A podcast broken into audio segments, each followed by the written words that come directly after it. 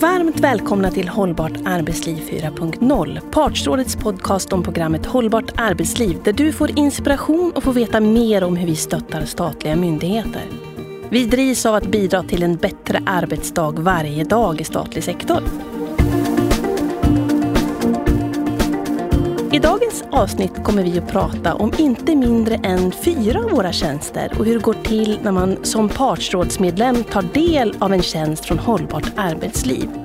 Du kommer få reda på mer om tjänsterna Fånga tidiga tecken, Välkommen tillbaka, Organisationsanpassad möjlighetskarta och Ursäkta röran. Jag heter Emilia Liljefrost och är programchef.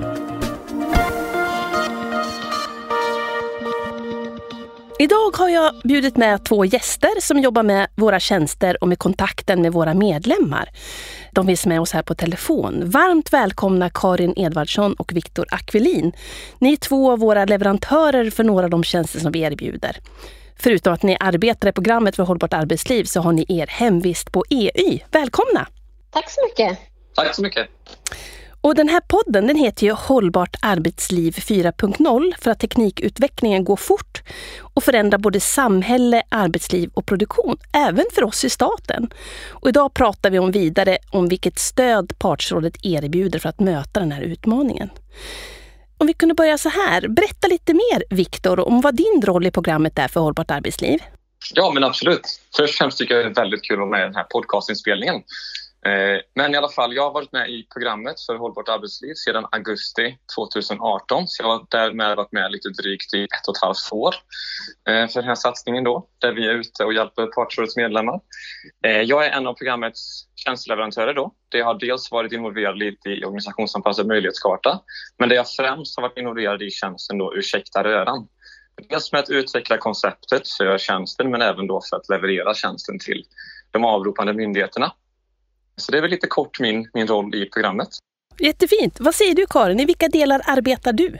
Ja, jag kom in i programmet i december 2018 och är en av tjänsteleverantörerna för tre av tjänsterna. Så Fånga tidiga tecken, Välkommen tillbaka och organisationsanpassad möjlighetskarta. Just det. Och vi har ju ett långt samarbete mellan oss på Partsrådet och er på EU. Och ni var ju med och gjorde förarbetet till programmet. Och Karin, jag tänkte höra lite med dig om du kan berätta om vad det innebar och vad ni kom fram till i förarbetet. Man skulle väl kunna säga att arbetet började vid förra avtalsrörelsen, där vid årsskiftet 2017-2018 då parterna kom överens om att eh, partsrådet ska jobba med frågor kopplade just till ett hållbart arbetsliv. Och vi på EY fick då i uppdrag att identifiera hur man skulle lägga upp det här arbetet och det här nya då arbetsområdet. Så att under våren 2018 etablerade vi programmet med hjälp av intervjuer, fokusgrupper och analyser där vi involverade ett, ett 40-tal myndigheter och organisationer eh, för att kunna identifiera vilka behov och befintliga insatser som de har i dagsläget och identifiera hur partsrådet kan hjälpa till med sina tjänster och bidra till ett mer hållbart arbetsliv. Så under den här etableringsfasen lanserade vi då fem eh, första tjänster som kunde möta upp till det här identifierade behovet. Just det. Och ni gjorde då också en behovsanalys. Är det möjligt att eh, liksom, utifrån behovsanalysen sammanfatta vilka behov som ni såg ute hos medlemmarna i förarbetet? Absolut. Och jag skulle säga att man såg väl kanske tre huvuddrag. Dels eh, medvetenhet och förståelse för de här frågorna. Det vill säga ett, ett behov av att faktiskt lyfta frågan om hållbart arbetsliv högre upp på agendan. Det här är inte en fråga som, som bara ska ligga hos HR utan den måste finnas med på ledningens agenda. Ehm, sen ska vi säga organisatoriska förutsättningar, det vill säga att, att, skapa en organisation som är både flexibel och stöttande för, för medarbetare och chefer så att de skapar och får förutsättningar för ett hållbart arbetsliv. Ehm, men sen framför allt också vikten att inte stanna vid symptomen utan att man ska jobba med grundorsakerna. Ehm, många myndigheter de ser till exempel i sina medarbetarundersökningar att, att medarbetare är stressade. Det i sig är ett symptom, men för att kunna åtgärda de här symptomen så behöver man rikta insatser mot de grundläggande orsakerna som leder till att de här symptomen uppstår och vidmakthålls. Just det, jättefint. Och Viktor, som sagt, du har ju varit med oss sedan lika länge som programmet har varit operativt igång i oktober 2018. Och du har ju arbetat tillsammans med oss i programmet under ända fram tills nu. Och vad är dina reflektioner om hur verksamheten har utvecklat sig?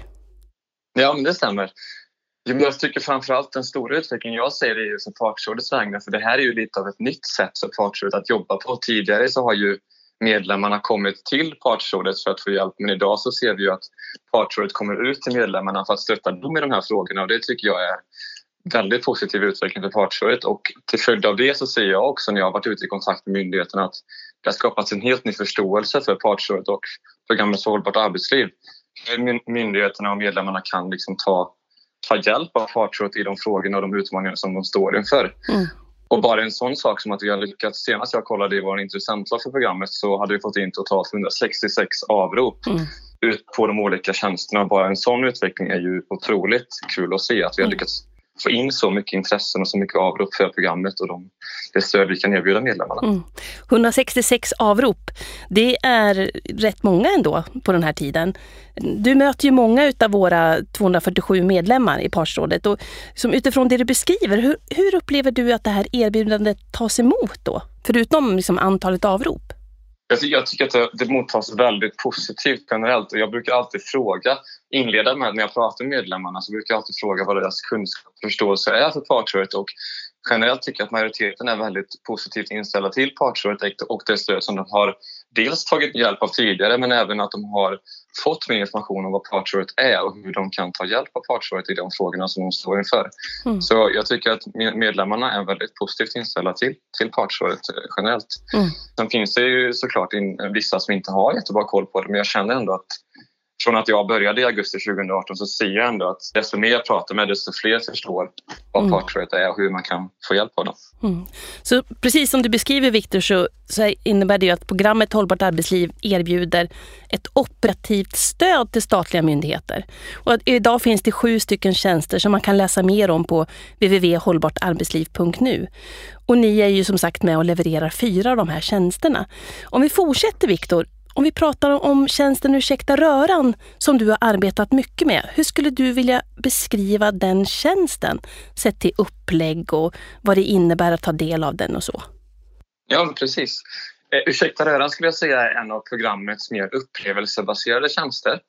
Eh, där man med hjälp av en utställning kan man säga leder, processleder en partssammansatt grupp eh, från en myndighet på cirka 6 10 personer där man då med hjälp av olika rum och olika teman pratar om förändringar i arbetslivet helt enkelt. Forskningen som ligger bakom konceptet är framtaget av Arbetets museum i Norrköping och som även då forskningen finansierad av Vasa Försäkring. Men sen så var vi involverade också då från Partsrådet och programmet Hållbart arbetsliv med att ta del av det här konceptet också och utveckla det för att anpassa det till myndighetsvärlden lite mer. Eh, så nu är det här utställningsformatet på 24 kvadratmeter där vi då har olika rum fem stycken rum för att vara mer exakt, där vi då pratar om förändringar i arbetslivet utifrån olika teman helt enkelt. Så man inleder ganska kort med att, man pratar om historiska förändringar. Vad har vi gått igenom för förändringar? Hur har de här förändringarna liksom sett ut? Både från ett arbetsmässigt sätt men också från ett samhällsperspektiv. Och så kopplar man även an det då till myndigheten som är med i den här tjänsten för att också belysa den historien som myndigheten har gått igenom och alla de narrativ och historier som finns i eh, myndigheten. För att sen även då prata lite om, om framtidens arbetsliv. I och med att vi har gått igenom mycket förändringar historiskt sett så är det en förutsättning för att vi har klarat av många förändringar. Det är också en förutsättning för att vi kommer att klara av många förändringar som vi även kommer möta i framtiden. Så där pratar vi lite om hur, hur myndigheten som tar del av tjänsten ser på det framtida arbetslivet. Vilka utmaningar står de inför? Vad behöver de adressera idag för att på bästa sätt kunna kunna jobba med de här utmaningarna som de står inför. Mm. Och vi pratar också lite om frisk och riskfaktorer. Hur ser arbetsmiljön ut på myndigheten? Och då använder vi ett, ett fikarum kan man kalla det till det här sättet att prata om, om eh, frisk och riskfaktorer. Eh, vilken funktion fyller ett fikarum för en myndighet? Vad pratar man om i ett fikarum? För på något sätt så är vi ju alla varandras arbetsmiljö på en arbetsplats så det är jätteviktigt att man pratar om de här frågorna på ett sådant sätt att vad är det som gör att jag faktiskt vill gå till jobbet? Vad behövs? Vilka friskfaktorer behöver jag för att kunna trivas på jobbet? Mm. Så där har man också lite samtal gällande de frågorna.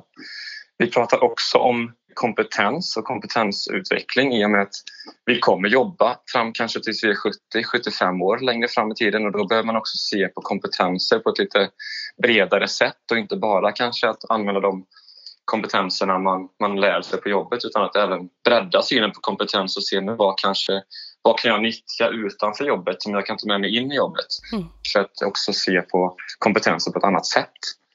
Och sen pratar vi lite om medarbetardriven innovation och kreativitet, att också se på kreativitet på ett nytt sätt. Att kreativitet är inte bara att eh, ta fram en teknisk lösning utan det är mycket, mycket mer än så. Det är hur vi kan vara kreativa tillsammans som en grupp. Eh, hur, ut, hur arbetsplatsen är utformad, hur kreativ tillåts jag vara? Eh, så där ser vi också lite breddad syn på hur man kan jobba med kreativitet idag. Jättebra.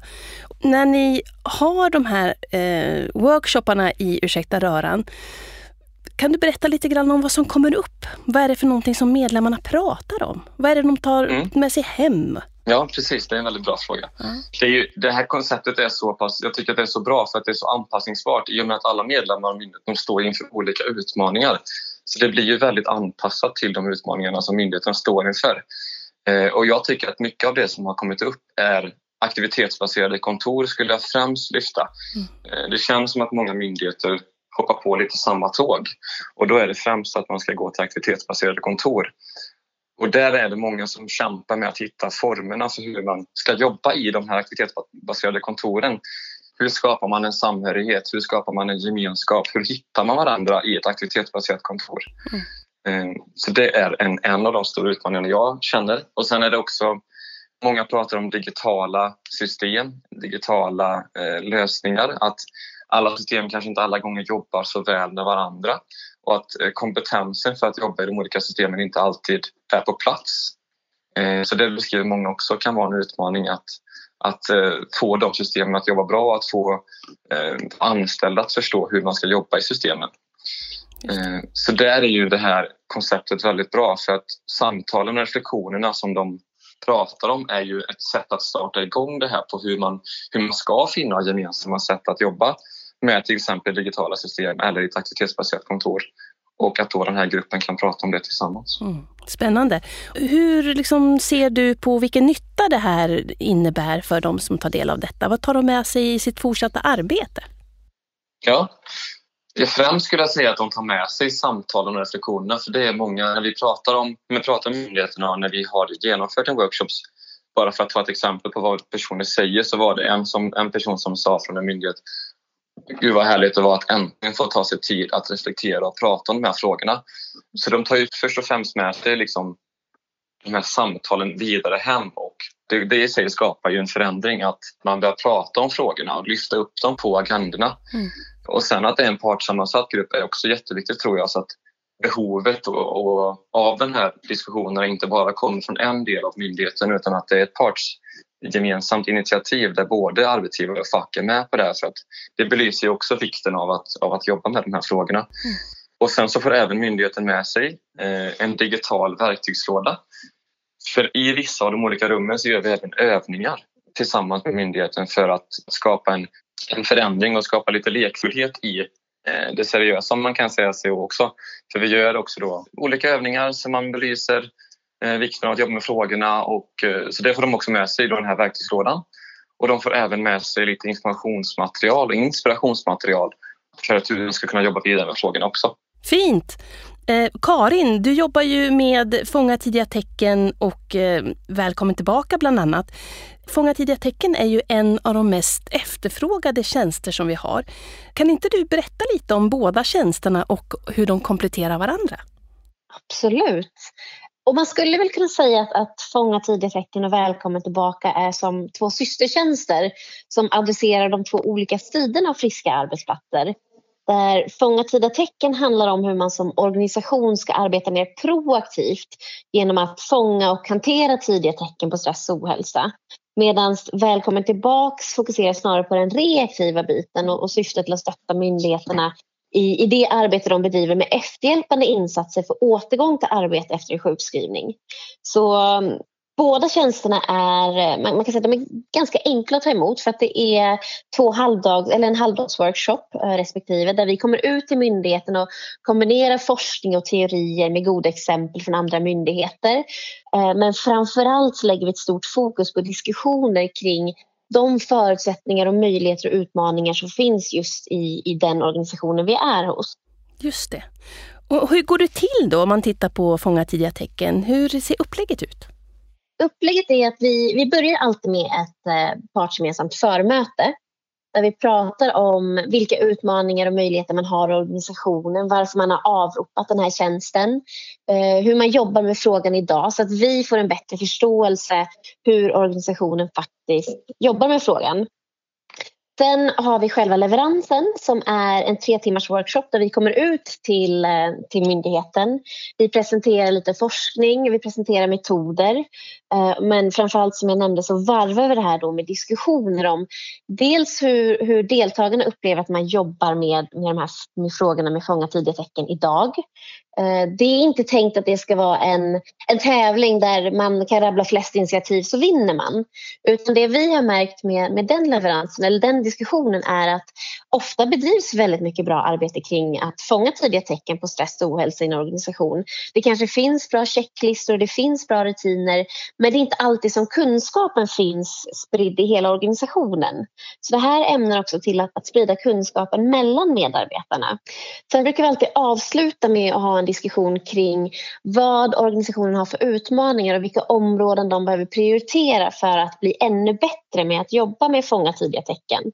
För vissa organisationer handlar det om att just ens se tecknen. De kanske har svårt att, att faktiskt identifiera att en medarbetare mår dåligt. Medan för andra organisationer kan det vara att de ser tecknen men att man som chef kanske inte riktigt vet hur man ska hantera det. Och då är det lättare att applicera, ja men jag väntar och ser om det blir värre. Eh, istället för att faktiskt börja jobba med det proaktivt. Just det. Och Karin, jag måste fråga dig, jag tänker att en tre timmars workshop om att fånga tio tecken på stress, att, liksom, har du några konkreta exempel på vilken skillnad det här kan göra? Kan det verkligen liksom leda till påverkan i positiv bemärkelse i praktiken för de här verksamheterna? Absolut det vi brukar få höra ibland är att vi lägger oss på en ganska grundläggande nivå när vi drar teorier och, ehm, och, forskning. Och det är just för att vi vill att alla som deltar i den här workshopen ska ha samma grund när man väl börjar prata om frågorna. För att ofta är det både, det kan vara medarbetare, det kan vara chefer, det kan vara HR, det kan vara skyddsombud som är med, som alla har lite olika insikt. Sen när man väl börjar prata om det så inser man att man, man skapar en samsyn kring vilka utmaningar man faktiskt har och vilka verktyg man, man har och kan nyttja redan nu. Eh, det vi också gör är att vi delar med oss goda exempel av hur andra myndigheter och organisationer jobbar med de här frågorna. Och just de här exemplen kan man ju då, tar ju de med sig antingen för att kanske låna rakt av eller för att anpassa efter sina egna organisatoriska förutsättningar. Eh, sen ska jag säga precis som Viktor sa det här med att en av de största styrkorna är just att det genomförs partsgemensamt. Och att vi kommer in som en, som en, kan säga, en extern neutral part och stöt, stöttar de här diskussionerna. Och det här gör ju att de får en samsyn kring hur, vilka styrkor de har och vilka områden de behöver jobba vidare med. Varför tror du att det är viktigt? Det vi märker är ju att ofta så ser vi samma utmaningar och problem men man kanske har svårigheter att prata med varandra om det och komma överens. Eh, och man tror att man har olika bilder men när de väl sätter sig ner och det kommer någon utifrån och bara hjälper dem att driva diskussionen framåt så, så inser man att man vill ju samma sak. Man jobbar inte åt två olika håll. Man vill ha medarbetare och chefer som mår bra på jobbet. Mm. Jättebra. Hur är det med tjänsten Välkommen tillbaka? Liknar den Fånga tio tecken eller vad är det som händer i den tjänsten? Ja, jag skulle säga att det är ett ganska liknande upplägg. Vi börjar med att prata lite om forskningen. Eh, vad, vad, säger forskningen när det kommer till just den här rehabiliteringen? Hur stor aktiv del ska till exempel cheferna ta i arbetet? Ehm, sen just för att vi vet att medlemmarna ofta efterfrågar, ja men nu då, nu när jag vet vad forskningen säger, hur jobbar jag med det? Så har vi inkluderat man kan säga två personas eller två case i den här äh, tjänsten där deltagarna får följa resan för Ilse och Martin som har blivit sjukskrivna av olika anledningar och sen får de applicera den forskning och metodik som vi pratar om för de här olika personligheterna och diskutera hur de som organisation skulle jobba för att snabba på återgången till arbete för de här två personerna.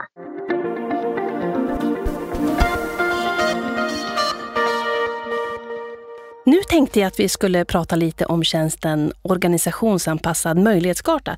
Och det är ju en av programmets mest extensiva tjänster. Och den kräver ju lite grann av mottagarorganisationen men innebär att man får ett partsgemensamt underlag att jobba vidare med. Och idag har vi en bredd av myndigheter, myndigheter som har tagit del av tjänsten. I allt från högskolesektorn till myndigheter med kontaktyrken. Kan inte du berätta lite mer om den här tjänsten Karin? Vad innebär organisationsanpassad möjlighetskarta? Möjlighetskarta? Ja, eh, organisationsanpassad möjlighetskarta eller OMK som jag säkert kommer råka säga. Precis som sägs så är det en mer omfattande tjänst. Det är en kartläggning av organisationsspecifika möjligheter kopplade till ett hållbart arbetsliv. Och den här tar minst sex veckor men det kan också vara så att vi sprider ut den under en längre period. Ehm, och det vi gör är att vi gör en ganska gedigen genomlysning dels av internt material och det kan vara till exempel policies eller medarbetarenkäter eller olika checklistor som man har. Ehm, sen så gör vi en intervjuserie med medarbetare och chefer som mellan 15 och 25 djupintervjuer och sen så har vi ett antal workshops. Och syftet är att identifiera dels vilka styrkor man har som organisation men också vilka utmaningar man har kopplat till ett hållbart arbetsliv. Och sen resulterar det här i en slutrapport där vi presenterar både styrkor och utmaningar och också ger rekommendationer kring insatser som riktas mot de mest kritiska utmaningarna. Så det tar till viss del mer tid för organisationen att faktiskt delta i det här just för att vi har ju flera intervjuer och workshops. Men sen skapar man ju ganska mycket förväntningar i en organisation när man börjar jobba med de här frågorna och ställa frågor och öppnar upp för att folk faktiskt ska få dela med sig. Karin, vad är det då som eh, medlemmarna får med sig eh, från att ha tagit del av eh, organisationsanpassad möjlighetskarta?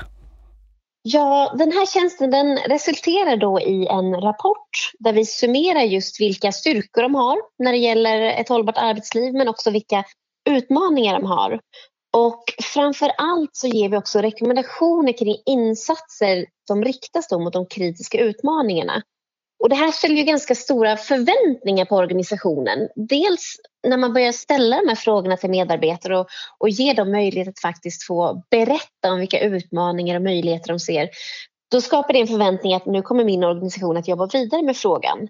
Eh, så här är det ju otroligt kritiskt att att organisationen i fråga faktiskt avsätter resurser och tid att jobba vidare med arbetet efter att de har tagit emot den här rapporten. Så att det inte blir en, en fin, bra rapport som alla håller med om som sen läggs på hyllan och samlar damm. Mm, jag förstår. Och när vi pratar om att det tar tid, hur lång tid tar det ifrån att en, en verksamhet, en organisation säger att nu vill vi kicka igång, vi vill göra det här, till att man har den här rapporten? Vi kan ju vara ganska flexibla i vårt upplägg. Om, om vi lyckas få till alla intervjuer och workshops ett väldigt eh, pressat schema, det vill säga från myndighetens sida, eh, då kan vi få ihop det här på sex veckor. Mm. Men vanligtvis så pågår det kanske en eller två månader under, under en längre tid just för att ha möjlighet att fånga upp alla medarbetare och, och personer som behöver involveras i det här arbetet. Mm. För en av förutsättningarna också att det här faktiskt ska leda någonstans det är att, att det är väl förankrat i organisationen. Man behöver informera och involvera rätt personer och se till att det finns ett ägandeskap för frågan. Just det. Nu när ni har gjort de här, är det någonting som sker och några slutsatser och insikter som du vill dela med dig av som ni har sett i samband med de här leveranserna? Ja, nu har vi gjort det här på fem myndigheter och vi är väl ute hos en sjätte myndighet precis nu. Och några saker som vi ser är ju bland annat det här med otydlig mål och riktning. Och det är att antingen är myndighetens mål inte tydliga för medarbetarna och cheferna eller så är de väl definierade men det är inte nedbrutet på till exempel avdelnings eller individnivå. Eh, det kan också handla om bristande planering och prioritering. Eh, det vill säga att allting är prioriterat eh, och det är ingen som säger nej. Och det finns ingen diskussion kring vad som är good enough vilket gör att medarbetarna mäktar inte med. Det, det är omöjligt att, att göra allting som då ska prioriteras. Mm. Eh, sen pratar man mycket om eh, chefskapet, att skapa rätt förutsättningar för chefer att kunna göra ett bra jobb och kunna ge tillräckligt stöd till sina medarbetare. Mm. Intressant, jättespännande. Och för er som lyssnar och blir nyfikna på de här fyra tjänsterna så finns det ju naturligtvis mer information om varje tjänst på hållbartarbetsliv.nu. Och där hittar ni också intervjuer och filmklipp med både myndigheter och tjänsteleverantörer som berättar mer om hur det är att ta emot våra tjänster hos oss. Och programmet då jobbar ju för friska och engagerade arbetsplatser och spänner över spannet förebyggande och efterhjälpande insatser för att motverka ohälsa, men också insatser som ska främja karriär, lärande och organisationsutveckling. Karin, om vi går tillbaka till förarbetet. Hur tycker du att tjänsterna vi erbjuder möter upp de behov som fångades initialt? Jag ser ju definitivt att vi täcker in en del av det här behovet som identifierades. Men det jag framförallt har märkt av när vi varit ute nu och levererat de här tjänsterna det är att man fortfarande efterfrågar stödet kring egentligen den, den andra sidan av hållbart arbetsliv, att skapa engagerade arbetsplatser. Mm. Um, för jag skulle säga att traditionellt sett när man pratar om hållbart arbetsliv så är man väldigt fokuserad på att ja, våra medarbetare ska vara friska. Och det är absolut en väldigt viktig del. Men vi vill ju också att våra medarbetare ska vara engagerade. De ska vilja gå till jobbet. De ska inte bara orka gå till jobbet. Och om jag drar en parallell lite vad vi hittat i när vi har genomfört eh, organisationsanpassad möjlighetskarta så är det just att hög arbetsbelastning och stress är inte de huvudsakliga utmaningarna som, som myndigheterna egentligen kämpar med, även om det är symptomen man ser. Utan det är snarare motivation och engagemang. Mm -hmm. Intressant. Viktor, stämmer det med din bild? Absolut, det stämmer med min bild också. Och för att koppla tillbaka lite till processen just för ursäkta rörande med att möta upp myndighetens behov så genomför ju även vi ett förmöte med en partsgemensam grupp inför en leverans, då, den, den tre timmar långa workshopen. Och där diskuterar vi ju vilka behov och vilka utmaningar som myndigheten står inför. Så på så sätt så blir ju tjänsteleveransen också väldigt konkret. Mm. Och myndigheten får ju diskutera de behov och de utmaningar som de faktiskt står inför för att lyfta upp de här på, på deras agendor. Mm. Eh, och sen så därtill så genomför vi också eh, ett uppföljningsmöte helt enkelt också med myndigheten för att diskutera lite vad vi har sett och vad vi har hört i leveransen eh, med då samverkansorganisationen för myndigheten, det vill säga med arbetsgivare och fack samlat. Så att de också ska få en liten insyn i vad vi har hittat och vad vi har identifierat utifrån eh, leveransen då på tre timmar som vi har genomfört tillsammans med mm. den här gruppen så att inte de känner att det här bara blir något tomtebloss som sen inte sker någonting med utan att det blir någonting som faktiskt kan få en långvarig effekt i myndigheten. Mm, jag förstår. Jag Viktor, jag tänker, liksom, det låter ju som att de här före och eftermötena, avstämningarna, mm. att de är viktiga. Mm. Stämmer det? De är väldigt viktiga skulle jag säga. Dels för att alla som är involverade i leveransen ska få veta att det, att det är ett partsgemensamt initiativ så att, så att myndigheten står bak, hela myndigheten står bakom själva avropet. Och sen också att, man, att vi som leverantörer får lite förståelse för vad myndigheten står inför idag. Vad är det för utmaningar som de möter? Vad är det de behöver adressera? Eh, och vad är det de behöver prata om? Så att vi också kan på något sätt styra lite hur leveransen ser ut.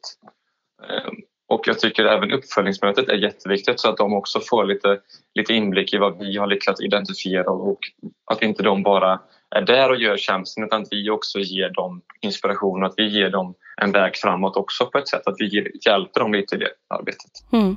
Och idag har vi ju nått ut till över 150 av våra 247 medlemmar som har liksom visat intresse eller avropat en eller flera tjänster. Men de här verksamheterna, statliga verksamheterna, de är spridda över landet och de ser väldigt olika ut, både sett till storlek men också till vilket typ av uppdrag man har. Vad ser ni? Vad säger du Karin? Skiljer sig även utmaningarna? Ser de olika ut beroende på vilken verksamhet det är? Jo, men visst finns det variation. Både när man tittar på storlek på myndigheter men också vilken, vilken sektor de jobbar innan, inom. Men, men samtidigt är det väldigt många utmaningar som är desamma oavsett storlek. Mm. Man vill ju gärna tro att, att våra utmaningar är unika för vår organisation men, men det vi ser är att det är väldigt lika också i, i många organisationer. Till exempel det här med målriktning. Att det, det, det, är sällan som det kanske sipprar ner hela vägen till individnivå. Eller att man har rätt organisatoriska förutsättningar för ett gott med, chefs och medarbetarskap. just det. Tack så mycket. Det börjar bli dags att runda av, men vi har tid för några sista medskick. Om ni får ge ehm, två stycken tips var till myndigheter som vill ta del av våra tjänster, vilka skulle det vara? Om jag börjar med dig, Viktor. Jag skulle säga att det viktiga, en av de viktigaste punkterna är att ha framförhållning i myndigheten. Att, att, på, att på ett bra sätt planera inför en leverans. Att vilka grupper vill vi att ska ta del av den här tjänsten? Har vi mandat i den här gruppen för att sen genomföra en, en förändring utifrån den tjänsten som vi har tagit del av? Och att man involverar helt enkelt rätt personer i leveransen. Eh, och jag skulle också säga att kommunikation är ett medskick. Jag vill också skicka med att man att, man liksom, att kommunikationen och initiativet genomsyrar hela organisationen så att alla är med på den här förändringen och det initiativet som tas. För oftast som vi säger i då Ursäkta höran, man tror ju oftast att min karta är din karta. Man tänker att min, jag ser det på det här sättet och då ser alla det på det här sättet. Mm. Men oftast i en förändring så, så har vi ju lite olika infallsvinklar på hur det här ska visa sig. Så jag skulle säga kommunikation och att man visar tydligt på vad det här ska leda till. Vad är syftet med att vi tar del av den här tjänsten? är någonting som också behöver genomsyra hela organisationen och initiativet till en tjänst. Mm, vad fint. Karin, vilka är dina medskick? Gud vad glad jag blir att jag får svara som tvåa för då kan jag ju ta bort det Viktor precis sa för det instämmer jag i. Eh, men, men sen också att, att förankra det här i ledningsgruppen för det är jätteviktigt att det är förankrat i hela organisationen lite som det Viktor var inne på. Eh, och här vill jag ju verkligen också betona att om ni behöver vårt stöd med att kanske att vi kommer att presentera tjänsten eller ta fram material åt er så är det bara att ni hör av er så att vi kan stötta er i det här arbetet. Eh, och sen som nummer två stå att ta ägandeskap att driva arbetet vidare. För precis som Viktor var inne på, det här är inte ett tomtebloss, man har gjort det här och sen kan man sätta en check i listan att nu har vi jobbat med frågan. Utan att det här kommer resultera i någonting som vi behöver jobba vidare med. Jättefint. Fin avslutning tycker jag på det här samtalet. Stort tack till er Karin Edvardsson och Viktor Akvalin. Tack, själv. Är du nyfiken på vårt program och våra tjänster? Se till att gå in på hållbartarbetsliv.nu för att läsa mer om programmet, våra tjänster och hur ni på er myndighet gör för att ta del av dem. Partsrådets program Hållbart arbetsliv ska bidra till en bättre arbetsdag varje dag. Genom programmet erbjuder Partsrådet operativt stöd till statliga myndigheter. Vi gör det genom att värna om det partsgemensamma, arbetsgivare och fack som arbetar tillsammans. Du hittar all information du behöver om våra åtta tjänster på halbartarbetsliv.nu. Där kan du göra en intresseanmälan för att få veta mer om tjänsterna och ni kan tillsammans, partsgemensamt, göra ett digitalt avrop på de tjänster ni vill ta del av. Det här programmet görs på Beppo. Beppo.